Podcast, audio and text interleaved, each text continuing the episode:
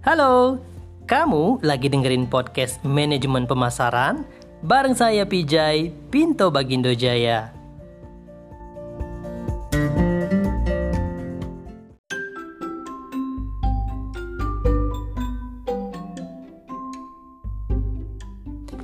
Halo teman-teman, selamat datang lagi di podcast Manajemen Pemasaran dan untuk kali ini kita sudah masuki ke bab tentang branding. Nah, di podcast ini teman-teman bakal mendapatkan tentang apa itu pengetahuan tentang brand atau merek, apa saja manfaat dari brand, kemudian apa yang dimaksud dengan ekuitas merek atau brand equity, bagaimana eh, branding strategik terhadap sebuah merek, dan juga bagaimana dinamika manajemen merek dan juga praktek merek di Indonesia.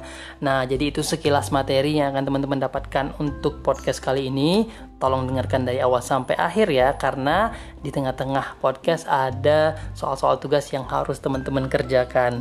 Oke, selamat mendengarkan.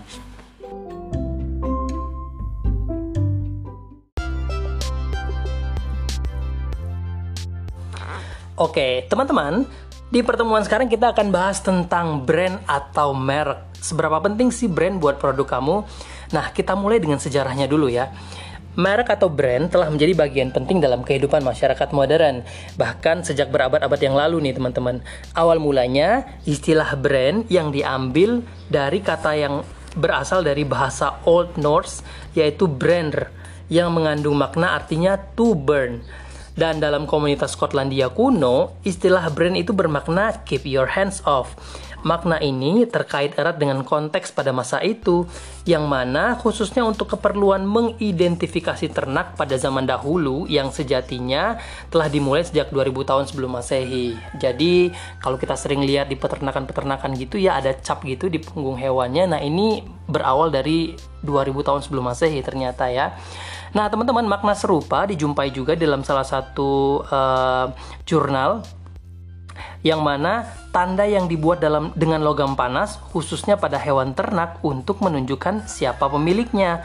Dengan demikian pada mulanya merek dipakai sebagai semacam klaim kepemilikan dan juga properti yang mana hingga saat ini masih dipraktekkan dalam beberapa konteks misalnya peternakan, industri balap kuda, karya seni, Eh, seperti karya seni lukis ya pasti ada uh, mark si ownernya atau pelukisnya dan juga berkembang terus sampai saat ini menjadi brand sebuah bisnis.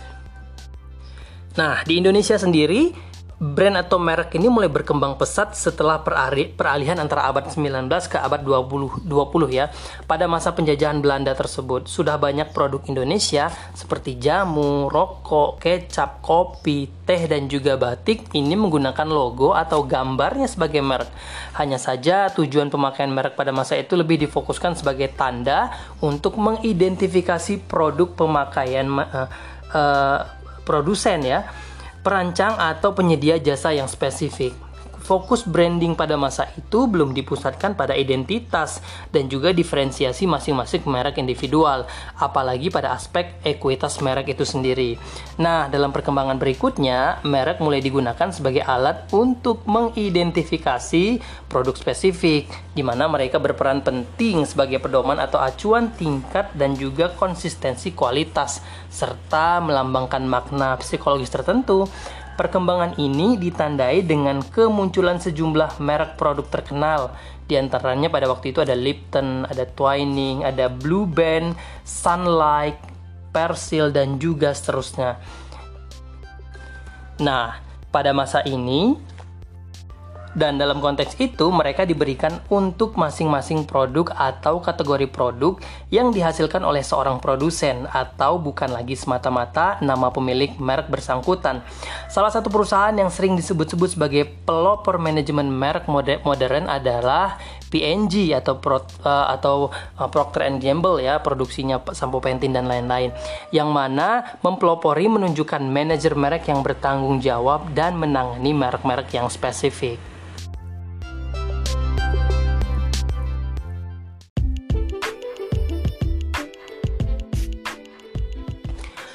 Baik, teman-teman, kita lanjut ya. Perubahan undang-undang merek dagang atau trademark law di sejumlah negara termasuk juga Indonesia nih ya, berimplikasi pada kokohnya status merek sebagai salah satu bentuk intellectual property yang mendapat perlindungan hukum.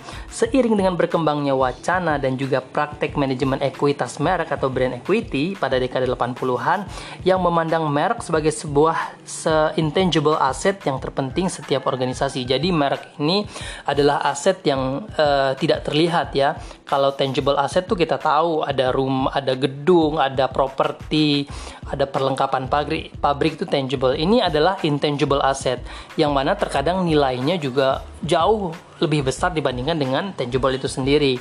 Merek kemudian mencuat sebagai komoditas yang banyak diburu.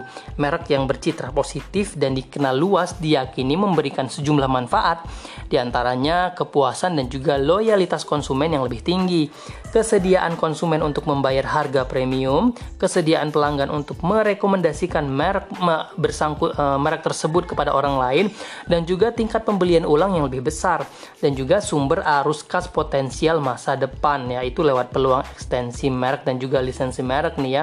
Peluang lebih besar bagi cross selling dan juga upselling dan juga seterusnya. Jadi, semakin ketatnya implementasi undang-undang merek eh, berpotensi mempersempit ruang gerak para pebisnis yang tidak beretikat baik, seperti pihak-pihak yang memproduksi dan atau memasarkan merek bajakan, barang-barang tiruan atau palsu, mereka yang juga mencoba mendompleng popularitas eh, merek terkenal dengan cara menggunakan sound alike atau look alike brand names dan juga sebagainya. Implikasinya, pilihan strategik yang tersedia meliputi menciptakan dan juga menumbuhkan mengembangkan merek sendiri, membeli hak lisensi atau waralaba merek terkenal, mengembangkan co-branding atau uh, kalau memungkinkan juga mereka akan mengakuisi merek-merek yang sudah ada nih teman-teman. Merek pun ber, uh, berpandangan layaknya barang dan jasa. Akuisisi merek dipandang sebagai alternatif yang efektif ketimbang membangun sebuah brand dari nol. Jadi perkembangan dan tujuan pemakaian merek ini bisa kita urai dalam bab ini ya teman-teman ya. Jadi kalau diidentifikasikan perkembangan tujuan pemakaian merek itu di awal dari bagaimana mengidentifikasi pemilik dari brand itu sendiri, kemudian mengidentifikasi dan diferensiasi produknya itu apa, kemudian apa ekuitas dari brand tersebut, selanjutnya akan masuk ke bagian komoditas. Nah, ini bagian dari perkembangan tujuan bagaimana sebuah brand itu dipakai.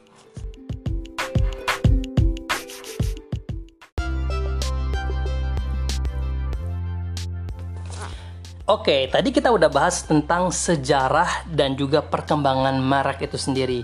Nah, sekarang kita akan bahas sebenarnya apa sih brand atau merek itu sendiri? Bagaimana kita mendefinisikan sebuah merek? Nah, jadi ada beberapa ragam perspektif nih teman-teman ya. Dalam definisi klasik, merek dikaitkan dengan identifikasi sebuah produk dan pembedanya dari produk-produk yang lain atau pesaing. Baik dalam bentuk pemakaian nama-nama tertentu, logo yang lebih spesifik, desain khusus, maupun tanda dan juga simbol visual. Definisi versi American Marketing Association atau AMA yang dirumuskan pada tahun 60-an menyatakan bahwa merek adalah nama, istilah, simbol, atau desain maupun kombinasi di antaranya yang dimaksudkan untuk mengidentifikasikan barang atau sebuah jasa seorang penjual atau sekelompok penjual yang membedakannya dari barang atau jasa para pesaing. Nah, definisi serupa juga ditemukan nih teman-teman dalam dalam Undang-Undang Pasal 1 Undang-Undang Nomor 15 Tahun 2001 tentang merek yaitu tanda yang berupa gambar, nama, kata, huruf-huruf, angka-angka, susunan warna atau kombinasi dan unsur-unsur tersebut yang memiliki daya pembeda yang digunakan dalam kegiatan perdagangan barang atau jasa. Jadi ini menurut Undang-Undang Nomor 15 Tahun 2015 eh 2001 ya, teman-teman ya. Nah, berdasarkan perspektif psikologi sosial, merek ini dipandang sebagai kategori atau brand of categories, sedangkan produk merupakan elemen dari kategori yang bersangkutan. Secara garis besar, kategori diidentifikasi didefinisikan sebagai kelas objek yang diyakini sama atau sejumlah objek yang dipandang ekuivalen Sayangnya, definisi semacam ini masih sangat luas, sehingga memerlukan asumsi tambahan menyangkut aspek yang menyatukan elemen-elemen sebuah kategori merek. Setidaknya nih, ada tiga ancangan yang berusaha merumuskan aspek-aspek sebuah kategori merek. Ancangan pertama nih ya, rancangan pertama yaitu classic view ya ini menekankan bahwa semua elemen sebuah kategori bersangkutan. Hanya saja dalam praktek tidaklah mudah menentukan fitur mana dari sebuah produk yang bisa digunakan untuk mengalokasikannya pada kategori merek tertentu. Contoh, merek Porsche in, mobil ya, Porsche ya, digunakan untuk memasarkan sejumlah produk seperti mobil sport, kacamata, dan juga pulpen. Dalam hal ini, apa fitur penentu yang bisa menjelaskan keanggotaan kategori mereka, kecuali nama brand itu sendiri ya teman-teman. Kemudian ancangan yang kedua, yaitu probabilistic view. Ini menegaskan bahwa elemen sebuah kategori bisa ditipikal uh, serupa, bisa pula tidak bisa juga memiliki kesamaan fitur tertentu, bisa juga tidak. Pandangan ini berdasarkan general prototypes. Contohnya sedan Mercedes klasik nih teman-teman ya. Dan karakternya bersifat uh, konteks independen. Yang kedua, produk dikategorikan dalam kaitannya dengan situation specific prototypes yang dipengaruhi memori seseorang. Itu ancaman pertama, classic view. Kedua, probabilistic view. Nah, yang ketiga nih ya, ada essentials view. Memperluas lingkup dengan tidak sekedar berfokus pada fitur dan juga atribut produk. Sebaliknya, ancangan ini eh, menekankan prinsip-prinsip explanatoris, misalnya teori naif yang lazim dimiliki oleh anggota-anggota sebuah kategori. Contoh, Memungkinkan saja seseorang konsumen memiliki teori naif bahwa produk-produk yang dipasarkan oleh merek Porsche memiliki atribut kunci, elegan dan juga modis ya. Ini ada di dalam persepsinya konsumen nih teman-teman ya.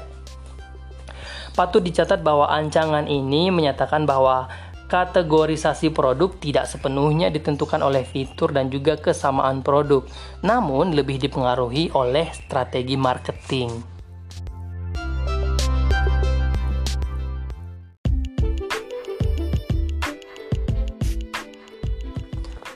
Oke, sekarang kita lanjut tentang bagaimana membedakan antara merek dan juga produk. Nah, ini sebenarnya berkaitan cuman kadang-kadang ada yang ketuker gitu ya. Baik, lebih lanjut perlu ditegaskan bahwa merek dan produk berkaitan, tapi ini tidak sama nih teman-teman ya. Sepintas hal ini kelihatannya sepele. Namun, ini mengingatkan bahwa konsep merek dan produk teramat sering dirancukan dalam literatur dan juga praktik pemasaran.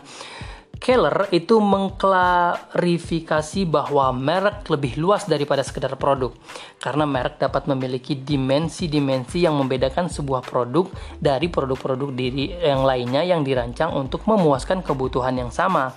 Perbedaan tersebut bisa bersifat rasional dan juga berwujud fisik. Ini berkaitan dengan kinerja produk sebuah merek ya teman-teman ya. Maupun juga bersifat simbolis, emosional dan juga intangible. Ini berkaitan dengan makna brand itu sendiri. Nah, pembedaan lebih lanjut dirumuskan oleh Pringle dan juga Field sebagai berikut. Kita membeli sebuah produk atas dasar kinerjanya kita memilih sebuah merek atas dasar maknanya. Ini beda ya teman-teman ya. Produk itu dilihat atas dasar kinerjanya dan kita memilih sebuah merek atas dasar maknanya. Contohnya, kamu pengen beli uh, handphone. Ya. Kalau kamu pengen beli handphone yang kinerjanya misalnya kameranya lebih bagus, uh, katakanlah merek yang kamu pilih itu misalnya Samsung ya kita sebut merek ya nggak apa-apa deh tapi dalam Samsung ini ada berbagai produk-produk yang sesuai dengan kategori yang kamu pilih misalnya pengen yang uh, kameranya lebih bagus ada produk Samsung yang A kalau pengen kameranya atau juga pengen daya tahan baterainya yang lama pilih produknya yang B tapi dari segi merek dalam benak kita bahwa Samsung itu misalnya produk yang lebih bagus. Nah, ini bedanya antara uh, produk dan juga brand ya, teman-teman ya. Kemudian produk menempati rak-rak pajangan pengencer dan merek ada di dalam benak konsumen. Produk bisa cepat pudar, tapi brand atau merek bersifat langgeng. Produk bisa ditiru pesaing, tapi brand itu sifatnya unik ya, karena brand itu tertanam di benak kita, ya di benak konsumen. Nah, Stephen Harris Morley King itu mengungkapkan perbedaan juga nih antara merek dan juga produk.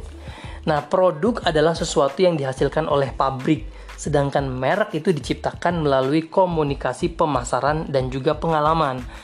Produk tidak eh, produk itu bisa diduplikasi oleh pesaing, sedangkan brand itu sulit karena sifatnya unik. Produk merupakan istilah generik sedangkan merek memiliki kepribadian, karakteristik dan juga asosiasi. Jadi udah kebayang dong ya. Misalnya juga nih, kalau kamu minum kopi antara minum kopi Star X dengan Janji X ya, mungkin rasanya sama, tapi yang ada di benak kalian mengenai dua brand ini pasti berbeda walaupun mungkin rasa bisa mirip-mirip dan sama, tapi uh, ada esensi tersendiri tentang sebuah merek ya. Nah, ini yang dikatakan perbedaan antara merek dan produk teman-teman. Nah, sebuah merek bisa terdiri atas produk tunggal, bisa pula meliputi sejumlah produk yang mencakup beberapa kelas atau kategori produk. Kendati demikian, dalam sebuah merek biasanya terdapat identitas unik dan citra yang dipersepsikan bagi para konsumen, yang juga melampaui representasi fisik dalam hal format produk. Jadi udah bisa membedakan ya antara brand dan produk. Saya kasih contoh satu lagi, misalnya McDonald's itu adalah brands, Sementara Happy Meals ini adalah bagian dari produk McDonald's karena produknya McDonald's itu ada Happy Meal misalnya ada McBurger ya ada ada panas ya. Nah, jadi ini brand-brand yang eh, produk-produk yang dihasilkan dari sebuah brand. Jadi sudah kebayang ya perbedaan antara brand dan juga produk.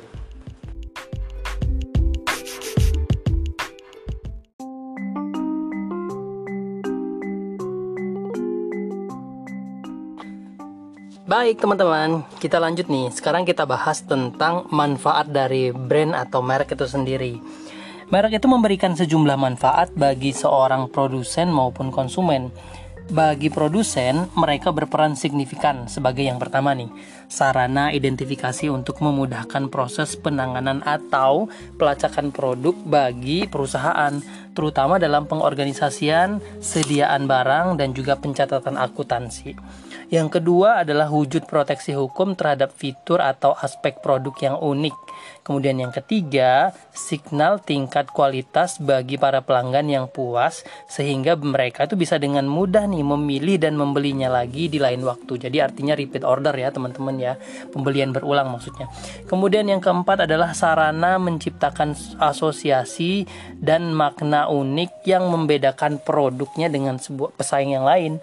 Kemudian yang kelima adalah sumber keunggulan kompetitif, yaitu terutama melalui perlindungan hukum, loyalitas pelanggan, dan citra unik yang terbentuk dalam benak konsumen.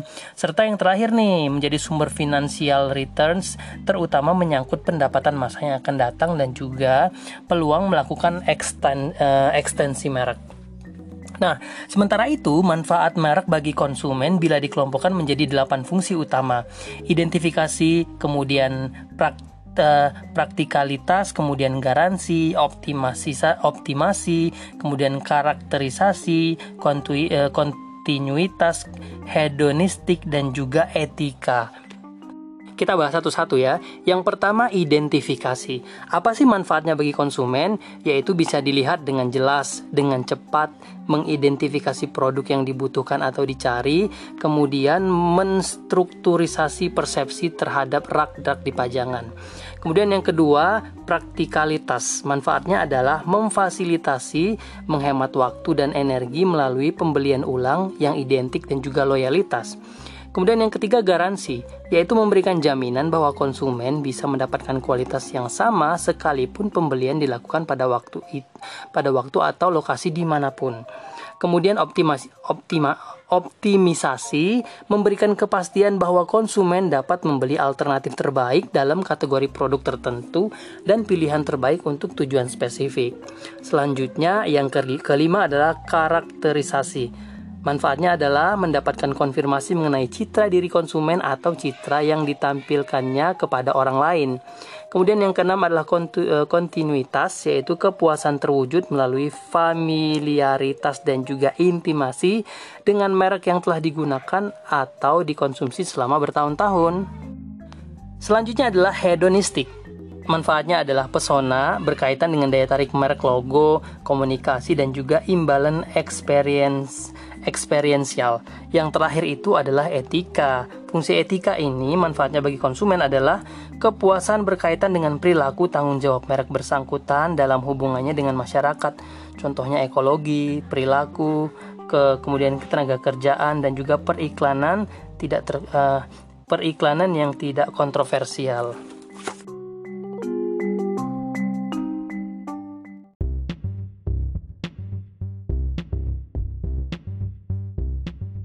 Oke, kita lanjut ya. Sementara itu, setiap pemilik brand atau merek mendambakan mereknya tergolong strong brands atau merek yang kuat. Ini dikarenakan merek yang kuat mampu memberikan keunggulan pemasaran dalam berbagai aktivitas pemasaran ya. Jadi kalau kita bicara brand itu terikat banget dengan uh, eh, STP waktu itu ya, positioning brand tersebut dalam benak konsumen. Jadi semakin konsumen ingat bahwa produk kita itu adalah produk unggulan atau yang paling pertama terucap di benak konsumen itu artinya brand kita ini kuat teman-teman ya.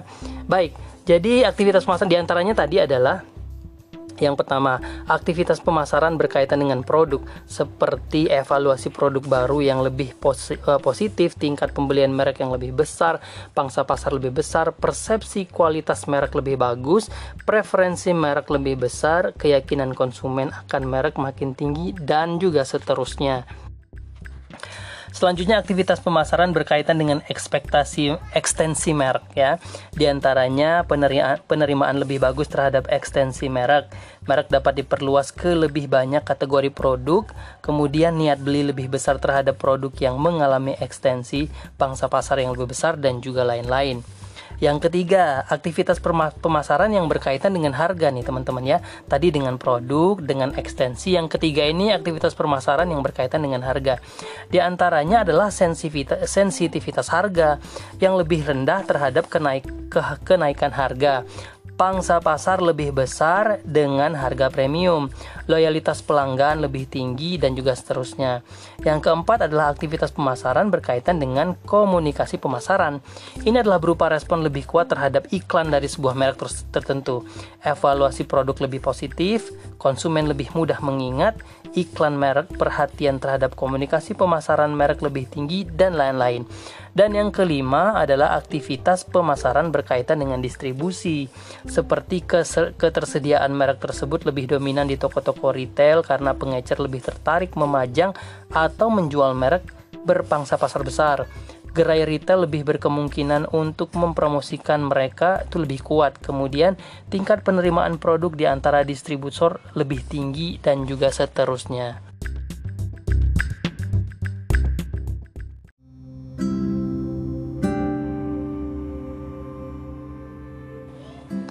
Baik teman-teman, kalau tadi kita sudah sedikit bahas tentang bagaimana kekuatan merek itu berpengaruh banget nih terhadap se uh, seorang konsumen. Bagaimana dia akan menempatkan brand tersebut di dalam uh, otaknya atau sebagai positioningnya sehingga ketika uh, orang lain menyebutkan menyebutkan suatu uh, produk brand tertentu akan terucap dari mulut orang tersebut. Nah, ini ada beberapa faktor nih yang memiliki kontribusi bagaimana peningkatan sebuah kekuatan merek ya. Jadi si brand ini memiliki kekuatan jadi ada sejumlah faktor yang harus berkontribusi. Di antaranya, yang pertama itu harus berkaitan banget dengan kualitas produknya, teman-teman ya. Yakni produk melakukan apa yang seharusnya dilakukan dengan sangat baik. Jadi penting banget nih ya ketika sebuah brand itu harus benar-benar mencerminkan kualitas produknya. Maka dengan itu akan membuat produk itu semakin kuat ya di benak konsumen. Kalau kita mendapatkan produk yang nggak sesuai dengan kualitasnya, nggak sesuai dengan tagline-nya misalnya ya sudah otomatis kita akan meninggalkan produk tersebut. Kemudian yang kedua adalah periklanan dan juga komunikasi pemasaran lain yang lainnya yang secara konsisten menyampaikan cerita tentang merek secara baik dan rutin Nah, ini sering kita lihat nih ya di televisi, bagaimana sebuah merek yang kuat ya uh, yang selalu mengkomunikasikan brandnya walaupun digempur oleh brand-brand baru. Misalnya adalah Aqua ya yang kita lihat. dalam komunikasi bahasa iklannya mereka memposisi uh, karena Aqua ini memang beneran top brand. Jadi mereka itu akan memberikan uh, komunikasi pemasaran secara konsisten menyampaikan bahwa airnya ini berasal dari pegunungan misalnya ya. Kemudian yang saat ini juga sedang hangat adalah antara perang aqua dan le mineral ya yang kita lihat sekali. Kalau aqua menggunakan galon yang berulang-ulang, sementara le mineral men, mm, apa menjual produknya dengan galon sekali ulang eh, sekali pakai. Nah, isu ini bisa diangkat oleh aqua ya bahwa misalnya dengan memperbanyak sampah plastik itu bahwa akan bisa mencemari lingkungan. Ya kalau kita lihat iklan serat terselubung ya maksudnya kita lihat di sosial media sekarang yang yang pernah saya lihat. Kemudian intensitas distribusi di mana konsumen dapat dengan mudah menemukan merek merek tersebut di mana pun mereka berada. Jadi contohnya produk A itu tersedia di beberapa retail ya shampoo sabun dan lain-lain. Jadi distribusinya juga harus benar dan ketika konsumen datang ke salah satu gerai, mereka mengharapkan produk tersebut ada di situ. Nah, ini bakal mem memperkuat ya uh, citra merek tersebut. Kemudian yang keempat adalah kepribadian merek yakni makin uh, yakni makna spesifik merek bagi konsumen. Contohnya uh, body shop ya, body shop ini punya makna spesifik tersendiri bagi konsumen yang mana yang kita ketahui produknya tidak menggunakan bahan-bahan dari hewan ya. Menurut mereka ya menggunakan produk dari alam yaitu tumbuh-tumbuhan ya. Jadi mereka memiliki makna spesifik nih bagi si konsumennya. Kemudian contohnya yang lain kekuatan brand Coca-Cola ya diyakini sebagai hasil ketersediaan universal awareness universal dan juga perlindungan brand yang dilakukan dengan tindakan strategik dari perusahaan induknya Nah, selain itu, Keller dalam teorinya menge eh, mengemukakan 10 karakteristik yang dimiliki brand-brand terkuat di dunia yang dapat digunakan sebagai panduan untuk menilai kekuatan merek dan juga mengidentifikasi aspek-aspek spesifik yang membutuhkan penyempurnaan. Yang pertama, brand tersebut atau merek tersebut memberikan manfaat yang diharapkan pelanggan. Ini dalam kasus ini uh, Keller memilih Starbucks ini misalnya menawarkan coffee house experience. Bukan sekedar biji kopi mereka sungguh-sungguh memantau dan memastikan kualitas kopi mulai dari seleksi hingga penyajiannya kepada konsumen. Mungkin kalau untuk lokal ada kecap bango mungkin ya karena uh, mereka mengklaim bahwa kedelai dari uh, si kecap ini sendiri ditanam sendiri kemudian diawasi dengan pemilihan biji bibit uh, kualitas tersendiri ya Kemudian selanjutnya adalah tetap relevan dengan tujuan penggunaan. Ya, contohnya Gillette ini secara berkesinambungan berinvestasi pada penyempurnaan produk sesuai dengan slogannya The Best a Man Can Get. Jadi fokus ya si Gillette ini uh, betul-betul relevan dengan tuntutan pelanggan. Ya, seperti sekarang mungkin alat cukurnya yang bisa mengikuti lekuk apa namanya jenggot ya. Nah, ini membuat pelanggannya semakin uh, suka ya karena sesuai dengan ekspektasi dan slogannya mereka tadi ya the best man can get. Kemudian harga didasarkan pada value. Nah, ini dicontohkan oleh Keller ini ini adalah PNG yaitu menekan biaya operasional dan meneruskan penghematan tersebut kepada pelanggan melalui everybody low pricing. Jadi menganggap uh, dengan kualitas yang bagus pelanggan itu juga mendapatkan harga yang murah ya jadi ini yang mereka ciptakan selanjutnya adalah konsisten ini kadang dilupakan oleh sejumlah perusahaan salah satunya adalah uh, Miss Lop yang pernah mencoba mengganti-ganti positioning dan kampanye iklannya antara tahun 70-an sampai 95 ya. Malah hasilnya menurun ya. Jadi kalau merubah-rubah tagline itu hanya akan merugikan brandnya sendiri. Ya, jadi si konsumen tuh nggak karena brand itu membangunnya dengan waktu yang lama ya teman-teman ya. Butuh waktu dan perjalanan. Jadi tidak boleh ya secara itu secara teori mengganti-ganti tagline. Karena itu bahkan memperburuk bukan memperburuk juga ya tapi akan membuat konsumen itu lupa kalau brand ini sebenarnya positioningnya buat apa sih. Kemudian ada portofolio merek yang masuk akal. Di sini dicontohkan adalah The Gap ya, memiliki toko Gap, Banana Republic dan Old Navy yang melayani segmen pasar yang berbeda-beda ya jadi si si apa the gap ini ya uh, brand fashion ya. Jadi mereka menciptakan beberapa portofolio ya yang kira-kira bisa digarap secara bisnis. Kemudian aktivitas pemasaran yang terkoordinasi ini jelas contohnya Coca-Cola ya karena secara iklan, promosi, ya sponsorship biasanya mereka terpusat di uh, pusatnya ya dan tagline dan tema yang diambil ya kadang-kadang disesuaikan dengan di mana negara berasal. Kemudian makna merek sebagai pelanggan dipahami dengan baik. Ini adalah big ya tak mampu memasarkan parfum dengan nama merek yang sama, sementara Gillette secara cerdik menggunakan nama merek berbeda seperti Oral-B untuk sikat gigi dan terhindar dari masalah serupa. Ya kalau bikinnya juga kompetitornya Gillette ya dulu ya. Kemudian didukung dalam jangka panjang, contohnya Course memprioritaskan Course Like dan Zima dan mengurangi dukungan promosi untuk merek-merek lain. Akibatnya Course kehilangan 50% penjualan dalam periode 4 tahun terakhir. Ini jadi sebuah brand itu harus disupport ya teman-teman ya dalam jangka panjang. Dan yang terakhir adalah sumber ekuitas merek itu harus dipantau. Nah, menurut Ellen, eh menurut Keller ini contohnya adalah hasil dari pantauan rutin Disney mengindikasi bahwa karakter-karakter Disney cenderung overexpose dan kadangkala digunakan tidak sebagai mestinya. Berdasarkan informasi tersebut, Disney kemudian memutuskan untuk mengurangi lisensi dan aktivitas promosi lainnya. Jadi saking kuatnya brand-brand Disney ya, brand Disney ini dan produknya di antaranya ada Mickey Mouse dan lain-lain. Bahkan mereka harus berhati-hati ya memantau kira-kira lisensi Disney ini digunakan buat apa ya kalau kita lihat ya seperti karakter Mickey Mouse dan Minnie Mouse itu banyak digunakan di semua aspek karena memang uh, dia universal sekali ya bisa masuk ke anak-anak orang dewasa remaja ya. Jadi eh, perusahaan harus memantau itu jangan sampai nanti Disney digunakan untuk keset misalnya apa karakternya ya. Walaupun ada sih ya tapi tetap perusahaan harus memantau itu. Jadi itu dia tadi ya. Beberapa contoh kasus yang dicontohkan oleh Keller dalam teorinya bahwa perusahaan-perusahaan besar ini wajib memaintain tentang brand mereka, portofolionya seperti apa, kemudian sebagaimana brand itu pengen dipahami oleh konsumen.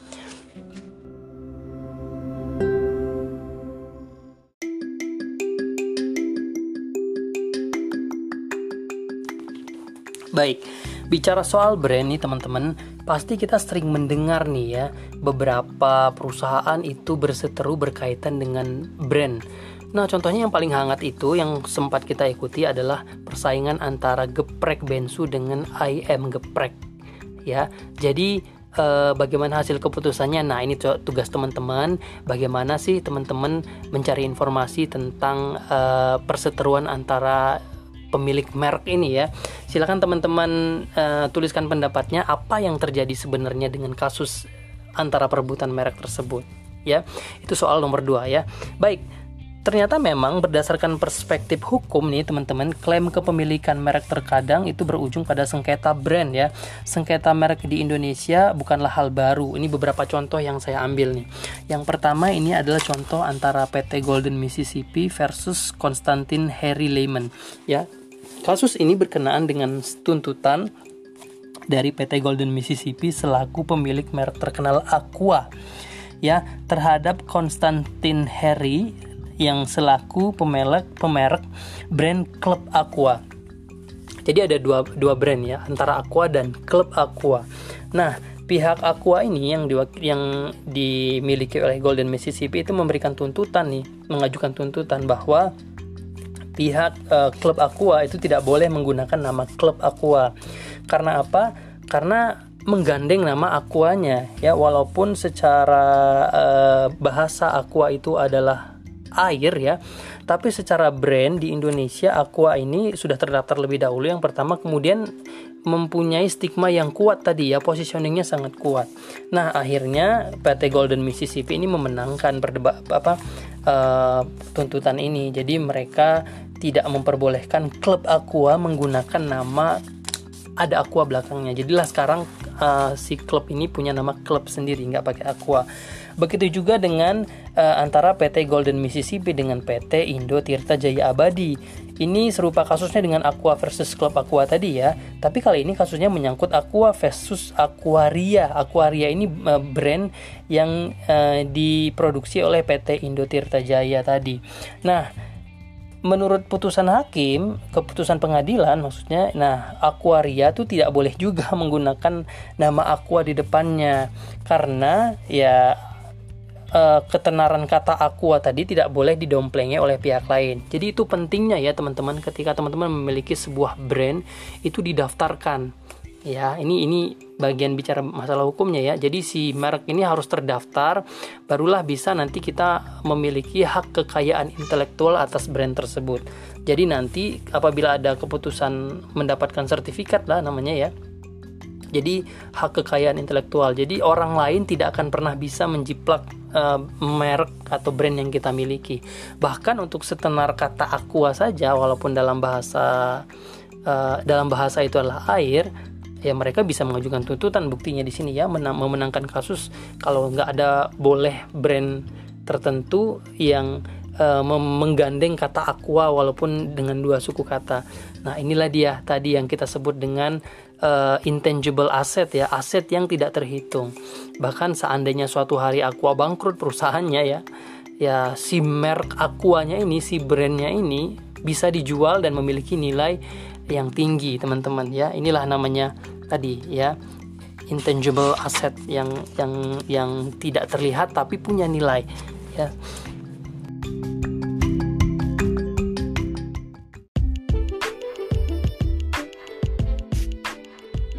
Baik, teman-teman, sekarang kita bahas mengenai branding strategik ya. Fokus utama dalam pengembangan strategi pemasaran adalah sebagian besar organisasi bisnis ditetapkan pada upaya membangun, mengembangkan, dan juga memelihara sebuah brand. Hal ini membutuhkan strategi branding yang efektif. Setidaknya ada empat tipe branding strategi yang perlu direncanakan secara cermat yaitu pemilihan nama merek atau brand naming strategik, kemudian brand sponsor, ada juga brand hierarki dan juga brand extension strategik. Kita bahas satu-satu ya. Pemilihan nama merek. Nah, keputusan branding terpenting adalah menentukan nama merek untuk produksi atau jasa yang dihasilkan. Tentu saja sebuah merek itu harus memiliki beberapa elemen atau identitas, baik yang bersifat tangible seperti nama merek, simbol, slogan, desain grafis dan sebagainya. Ini tangible ya, nggak bisa dihitung, yang bisa dihitung ya, maupun intangible, contohnya nilai simbolis, ikatan khusus, kepribadian, citra diri dan seterusnya. Nah, menurut pakar manajemen merek yaitu Kevin Lane Keller, itu menjabarkan elemen yang menjadi enam eh, merek itu menjadi enam jenis yaitu merek URL. URL itu adalah Uniform Resource Decorators atau nama dominan, logo, simbol, karakter, slogan, dan juga jingles. Nah ini juga bagian dari merek ya. Pemilihan nama merek itu bisa berupa yang pertama founder dan nama dan owner names ya banyak banget ya seperti Rudi Hadiswarno kalau salon ya. Kemudian termasuk juga motor ya Harley Davidson. Jadi ini menggunakan nama pendirinya sendiri ya sebagai sebuah brand. Nah, itu yang diperhatikan. Yang kedua, pilihan nama merek itu biasanya berdasarkan functional brands, yakni nama-nama yang berasal dari manfaat pokok atau basic benefit yang ditawarkan produk. Contohnya FedEx ya, Federal Express ya. Jadi pengirimannya cepat dan juga adalah Duracell ini yang sifatnya tahan lama. Kemudian yang ketiga ada invented brands, yaitu nama yang dibangun dari kata dasar dan juga morpem atau kata-kata yang merupakan konstruksi puitis berdasarkan rima atau pengalaman pengucapannya. Contoh Google ya, Snapple, Kleenex ya, ini jadi contoh bagaimana invented brands yang menggunakan kata-kata dasar ya. Kemudian yang keempat ada experiential brands yaitu nama perusahaan atau merek yang berasosiasi dengan pengalaman seperti pengalaman sukses, penemuan, pergerakan atau kesehatan. Misalnya Microsoft Explore ini juga jadi contohnya ya.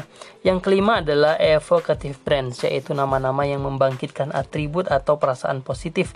Contohnya Yahoo, ya walaupun sekarang udah almost nggak ada ya search engine Yahoo ya. Ada juga Apple atau juga Virgin Airlines Nah, tentu saja memilih nama merek bukanlah pekerjaan yang gampang ya teman-teman ya. Sejumlah pakar itu mengajukan setidaknya 6 kriteria pokok yang perlu dipenuhi, yaitu yang pertama, memorable, artinya gampang dikenal dan diingat. Contohnya nama-nama singkatan seperti Sony, Aqua, Rinso, Nokia. Jadi hanya satu suku kata gitu ya. Jadi memorable dan mudah diingat. Yang kedua adalah meaningful, yakni mendukung terciptanya citra dan asosiasi yang konsisten dengan makna merek yang diharapkan dan juga merefleksikan kategori produk serta menyiratkan unsur produk atau tipe pemakaiannya.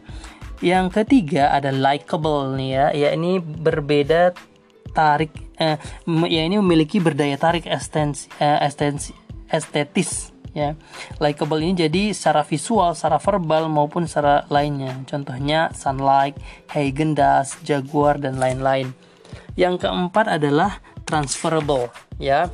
Transferable ini artinya bisa digunakan untuk memperkenalkan produk baru dalam kategori yang sama maupun berbeda. Bisa pula menambahkan ekuitas merek melampaui batas-batas geografis dan segmen pasar. Yang kelima ada adaptable. Artinya elemen merek bisa diperbarui sesuai dengan perkembangan dinamika pasar. Contohnya slogan dan jingle Coca-Cola ya yang mana selalu diperbaiki secara berkala. Jadi mereka uh, memperbaiki jinglenya ya secara berkala.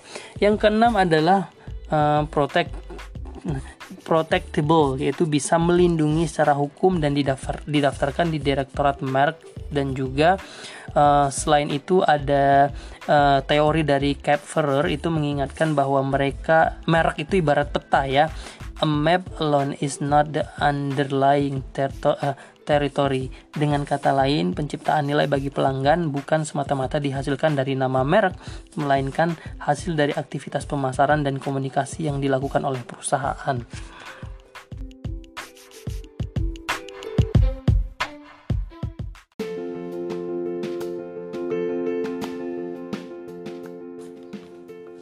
Baik, selanjutnya branding strategi yang kedua adalah brand sponsor strategi. Strategi ini menyangkut siapa yang harus mensponsori merek tersebut.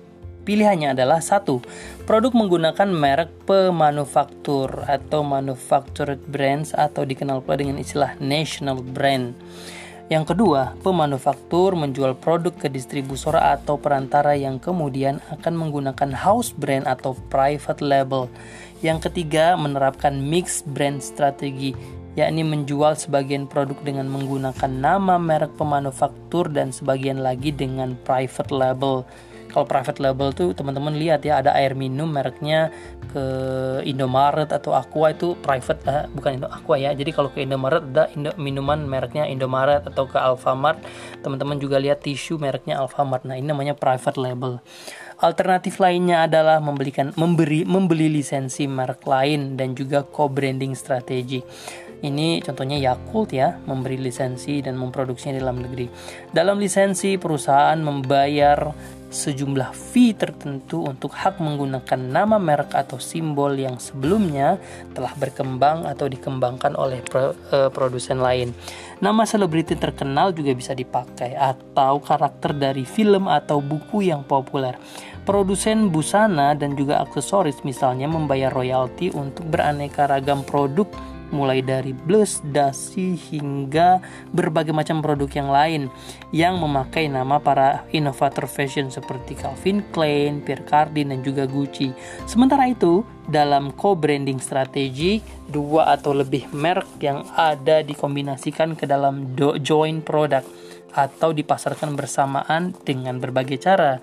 Tujuan utamanya adalah untuk menciptakan daya tarik dan brand equity lebih besar melalui penyatuan kekuatan nama merek yang dominan.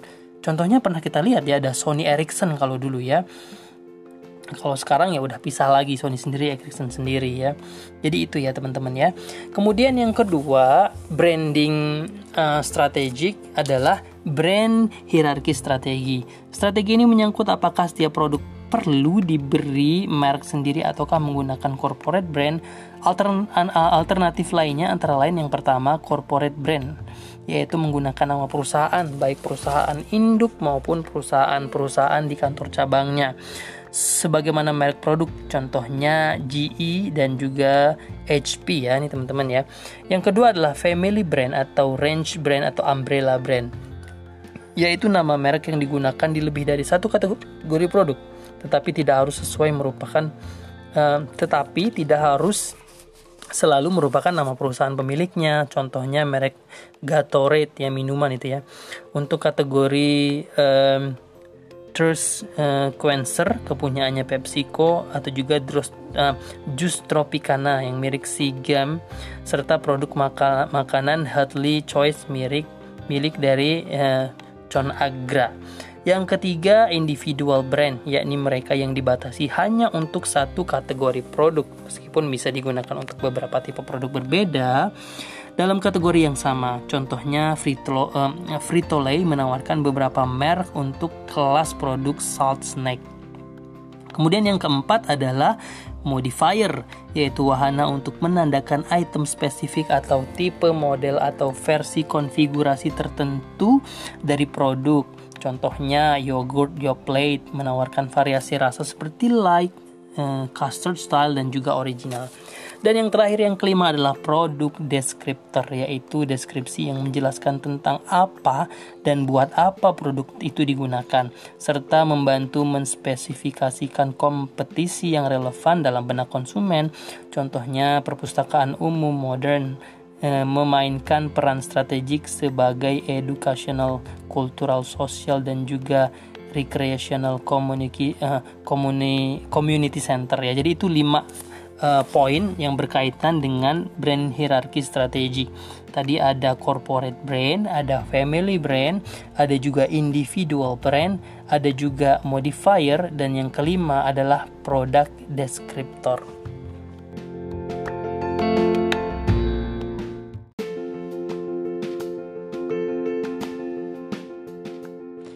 Baik teman-teman, sekarang kita masuki di bagian tentang dinamika manajemen merek.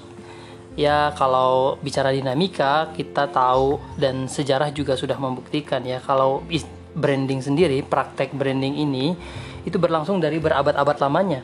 Ya, sejumlah bukti itu eh, bukti-bukti sejarah mengungkapkan bahwa para pembuat batu saja di zaman Mesir kuno itu membubuhkan semacam simbol di dalam batu bata tersebut untuk mengidentifikasi bahwa batu tersebut adalah hasil karya A atau B ya. Artinya dari zaman dahulu juga sudah dipraktekkan bahwa brand itu sudah diterapkan uh, ke dalam uh, sebuah identitas ya bahwa siapa yang memiliki merek tersebut. Nah, seiring dengan perkembangan zaman, perkembangan manajemen merek yang demikian pesat itu eh, semenjak dekade 80-an itu memunculkan beberapa istilah atau konsep-konsep yang mewarnai literatur yang mana praktek branding secara kontemporer. Berikut di antaranya nih teman-teman yang akan kita bahas. Yang pertama adalah brand arsitektur. Istilah ini mencerminkan struktur yang mengorganisasikan portofolio merek yang dimiliki oleh individu atau organisasi tertentu.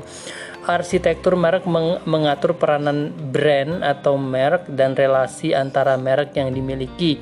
Misalnya peran antara merek vario dan seterusnya.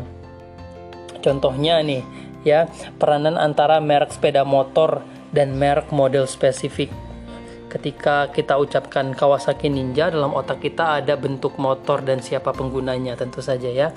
Begitu juga dengan saya sebutkan Yamaha Mio. Teman-teman juga pasti akan merepresentasikan brand itu seperti apa dalam otak. Nah, ini namanya brand arsitektur. Selanjutnya adalah brand audit. Brand audit merupakan proses penilaian atas tingkat kesehatan ya sebuah merek termasuk di dalamnya adalah brand inventory dan juga brand exploratory. Brand inventory merupakan deskripsi rinci internal mengenai bagaimana persepsi sebuah merek dipasalkan selalu sama. Sementara brand ex exploratory merupakan riset eksternal menyangkut makna makna sebuah merek bagi konsumen melalui FGD ya, focus group discussion, survei dan juga teknik riset pemasaran dan lain-lainnya. Selanjutnya adalah brand community. Secara sederhana, komunitas merek atau brand adalah entitas sosial di mana konsumen saling berinteraksi secara sosial. Sebagai sebuah merek spesifik sebagai aspek neutral interaksi mereka. Komunitas merek bisa terbentuk dalam konteks dunia maya maupun offline, termasuk pula di dalamnya adalah brand fest, yaitu pertemuan sosial yang diatur oleh pihak pemasar. Ini banyak banget ya. Kita lihat contohnya berbagai macam merek mobil itu mereka punya brandnya sendiri-sendiri, punya apa? Uh, uh, punya komunitas sendiri-sendiri yang ini secara strategi disebut brand community ya. Ada juga uh, rokok ya memiliki sebuah komunitas juga black community. Uh, kalau Kijang dulu ada Toyota Kijang Club Indonesia. Nah ini menguntungkan dua belah pihak. Ya biasanya perusahaan akan mensupport itu. Kemudian ada brand delusion sebuah merek dikatakan mengalami brand delusion manakala merek tersebut tidak mampu lagi membangkitkan sos asosiasi segera dengan barang atau jasa atau kelas produk sesuai dengan registrasi atau pemakainya. Dalam hal ini merek bersangkutan kehilangan identitas keunikan atau keekuitas merek mereka dengan kata lain, sebuah nama merek telah mengalami overuse ya. Jadi sudah mulai dilupakan walaupun mungkin awalnya sesuatu hal yang uh, uh, menjadi umum di masyarakat. Contohnya ini ada odol ya. Odol itu merek loh teman-teman ya. Jadi sebelum kita mengenal Pepsodent, Pepsodent, Oral-B dan lain-lain, dulu ada namanya odol ya. Jadi sekarang hmm, brandnya sudah dilution ya, sudah mulai ditinggalkan. Selanjutnya ada brand extension. Sebuah merek dapat diperluas ke kategori produk baru. Ekstensi merek atau brand ekstensi diperlukan dalam rangka beradaptasi dengan perubahan lingkungan atau demi memanfaatkan secara optimal sebuah merek yang kuat. Ekstensi merek bisa dikelompokkan dalam dua kategori. Yang pertama ekstensi lini produk, yang kedua adalah ekstensi kategori produk. Selanjutnya ada brand icon. Brand icon ini adalah sekelompok elit merek eksklusif memperoleh status ikonik karena memiliki makna simbolis dan juga keterkaitan mendalam dengan budaya setempat. Merek-merek semacam ini memiliki banyak memiliki banyak konsumen setia dan bahkan fanatik. Biasanya brand-brand ini dijumpai dalam kategori produk yang berhubungan dengan gaya hidup seperti makanan, pakaian, kosmetik, elektronik dan sejenisnya. Contohnya ya mungkin kita bisa lihat ya Harley Davidson itu mencerminkan gaya hidup orang yang bermotor gede karena juga modalnya harus gede ya perawatannya juga gede jadi akan mengetahui oh ini di strata uh, komunitas masyarakat yang seperti apa ada juga Levi's, McDonald's, Coca-Cola, Nike dan lain-lain Selanjutnya ada brand identity. Brand identity mengacu pada serangkaian asosiasi yang ingin diciptakan atau dipertahankan oleh perancang strategi brand. Selanjutnya ada brand image yaitu citra merek berkenaan dengan persepsi konsumen terhadap sebuah merek. Tujuannya, upaya strategik mengelola citra merek adalah memastikan bahwa konsumen memiliki asosiasi yang kuat dan positif di dalam benaknya mengenai brand perusahaan. Elemen citra merek terdiri atas satu persepsi, karena konsumen mempersepsikan merek. Yang kedua, kognisi karena merek, merek dievaluasi secara kognitif dan yang ketiga, sikap karena konsumen membentuk sikap terhadap suatu merek setelah mempersepsikan dan juga mengevaluasi merek bersangkutan. Yang selanjutnya adalah brand loyalty Meraih tingkat loyalitas yang tinggi merupakan tujuan penting dalam proses branding. Berbagai studi menyimpulkan bahwa menarik pelanggan baru jauh lebih mahal dibandingkan dengan mempertahankan pelanggan yang lama. Betul ya, konsistensi dari itu lebih susah daripada meraihnya. Konsekuensinya, pelanggan yang loyal merupakan pelanggan yang sangat bernilai bagi setiap perusahaan. Merek berperan penting dalam membangun loyalitas konsumen, terutama dalam mengalami dalam pengalaman berbelanja konsumen. Nah, selanjutnya adalah brand personality. Konsumen memiliki kecenderungan untuk memberikan merek berbagai kepribadian atau sifat layaknya manusia. Kepribadian merek biasa bersifat fungsional maupun simbolik ya. Selanjutnya adalah brand portofolio. Portofolio merek adalah rentan merek yang dimiliki sebuah perusahaan di pasar filosofi yang mendasarinya sama dengan ide portofolio saham yakni don't put all your eggs into one basket. Jadi jangan menempatkan satu telur dalam uh, semua telur dalam satu keranjang ya. Cara pengelolaan portofolio merek berkaitan dengan isu strategik brand uh, uh, arsitektur, segmentasi pasar dan juga implementasi produk branding versus corporate branding. Selanjutnya adalah brand revitalization Dalam hampir semua kategori produk, terdapat sejumlah merek yang pernah berjaya namun kemudian meredup atau bahkan hilang dari peredaran. Seiring dengan semakin menuanya sebuah merek, merek bersangkutan mungkin saja kehilangan relevansi dan daya tarik bagi konsumen. Tadi saya udah bilang ya, seperti contoh odol itu ya. Penyebabnya bisa bermacam-macam nih teman-teman. Mungkin saja uh, uh, merek tersebut tidak mampu beradaptasi dengan perubahan lingkungan atau perubahan preferensi konsumen uh, utama mereka yang bersangkutan. Meskipun demikian, beberapa di antaranya para konsumen utama itu uh, merek-merek tua tersebut mampu bangkit kembali dan bahkan merebut kembali posisi kepemimpinan pasar lewat strategi revitalisasi merek. Ini mungkin kasusnya seperti Nokia kali sekarang ya, tapi nggak bisa disebut revali uh, revitalization juga karena Nokia belum bisa bangkit ya uh, di di setelah kejayaannya mungkin karena mereka tidak bisa beradaptasi ya Selanjutnya adalah co-branding. Co-branding terjadi apabila dua atau lebih merek digabungkan dalam merek atau produk bersama, baik produk baru maupun perceptuality improve product. Ya ini mungkin kita bisa lihat ya kalau dulu ada yang namanya hmm, Sony Ericsson. Nah juga ada uh, dulu kalau minyak rambut ada Brix ya buat yang cowok-cowok dulu ada Brix namanya. Nah waktu itu sempat di co-branding sama Clear jadi Clear Brix tapi tetap juga nggak bisa bertahan ya. Selanjutnya ada corporate brand. Dalam hal ini nama perusahaan yang dijadikan merek atau bukannya uh, perusahaan yang dijadikan merek dan bukannya merek-merek produk individual. Literatur manajemen merek mengungkap bahwa energi dan inspirasi mereka berhasil dari dalam organisasi dan karenanya itu keterlibatan semua anggota perusahaan sangat dibutuhkan untuk menunjang keberhasilan strategi merek tersebut. Nah lanjut lagi masih ada juga employee branding. Employee branding adalah proses sedemikian rupa sehingga karyawan mengintegrit internalisasikan citra merek yang diharapkan dan termotivasi untuk merepresentasikannya kepada konsumen atau konstituen perusahaan lainnya.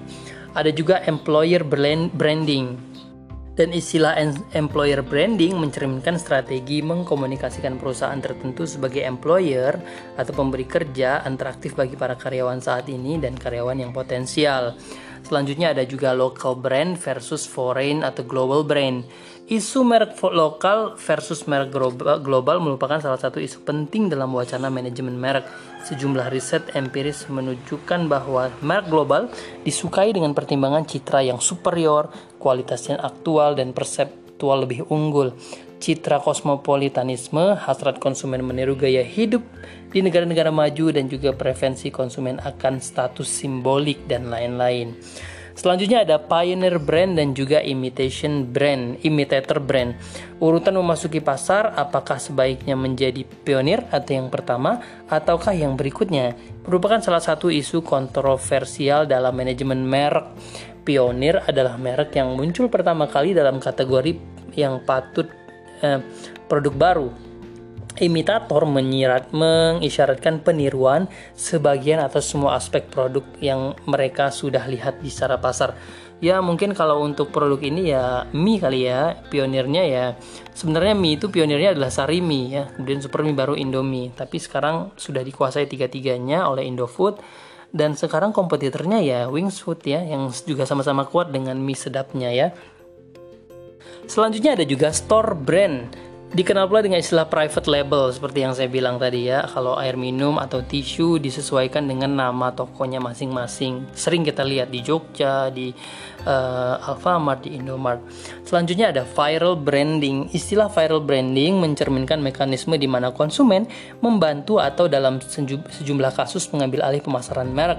Konsumen menyebarluaskan merek layaknya penyebaran virus apabila mampu mendapatkan dukungan dari konsumen dan proses pemasaran, maka merek bersangkutan memperoleh kredibilitas dan otenti, uh, otentisitas yang lebih besar. Namun, resikonya kebalikannya apabila merek dibajak dan dialihkan, maka makna dan nilai berbeda yang diharapkan perusahaan tidak sesuai dengan apa yang diharapkan oleh perusahaan.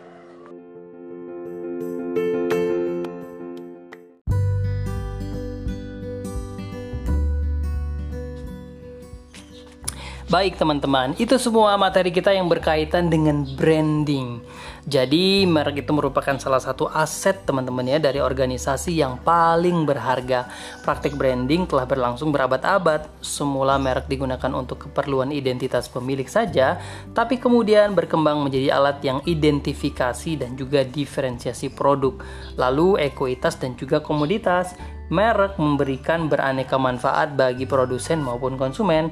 Merek juga dipandang sebagai ekuitas yang pengukurannya dapat menggunakan perspektif strategik maupun perspektif finansial.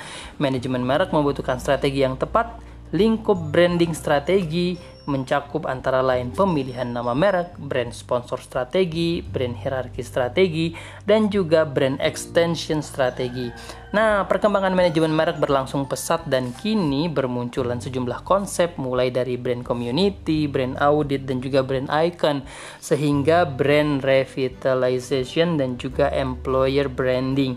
Sementara itu, di Indonesia, penggunaan merek dan juga registrasi merek telah dimulai sejak zaman penjajahan Belanda. Jadi itu ya rangkumannya teman-teman ya. Oke, lanjut ke soal ketiga untuk tugas kita hari ini. Nah, teman-teman, para pakar itu mengemukakan bahwa nama merek lebih yang baik harus memenuhi enam kriteria. Memorable, meaningful, likable, transferable, adaptable, dan juga protectable. Menurut kamu, apakah mungkin sebuah merek yang tidak memenuhi sebagian dari keenam kriteria tersebut tetap sukses di pasaran? Adakah contohnya? Nah, silahkan kamu uraikan argumen kamu ya. Baik, teman-teman terima kasih banyak sudah menyimak materi yang ha, sekarang yang berkaitan dengan branding. Mudah-mudahan ini semua bermanfaat buat kamu. Terima kasih sudah mendengarkan dari awal sampai selesai ya. Nanti kita simak lagi materi-materi selanjutnya. Salam.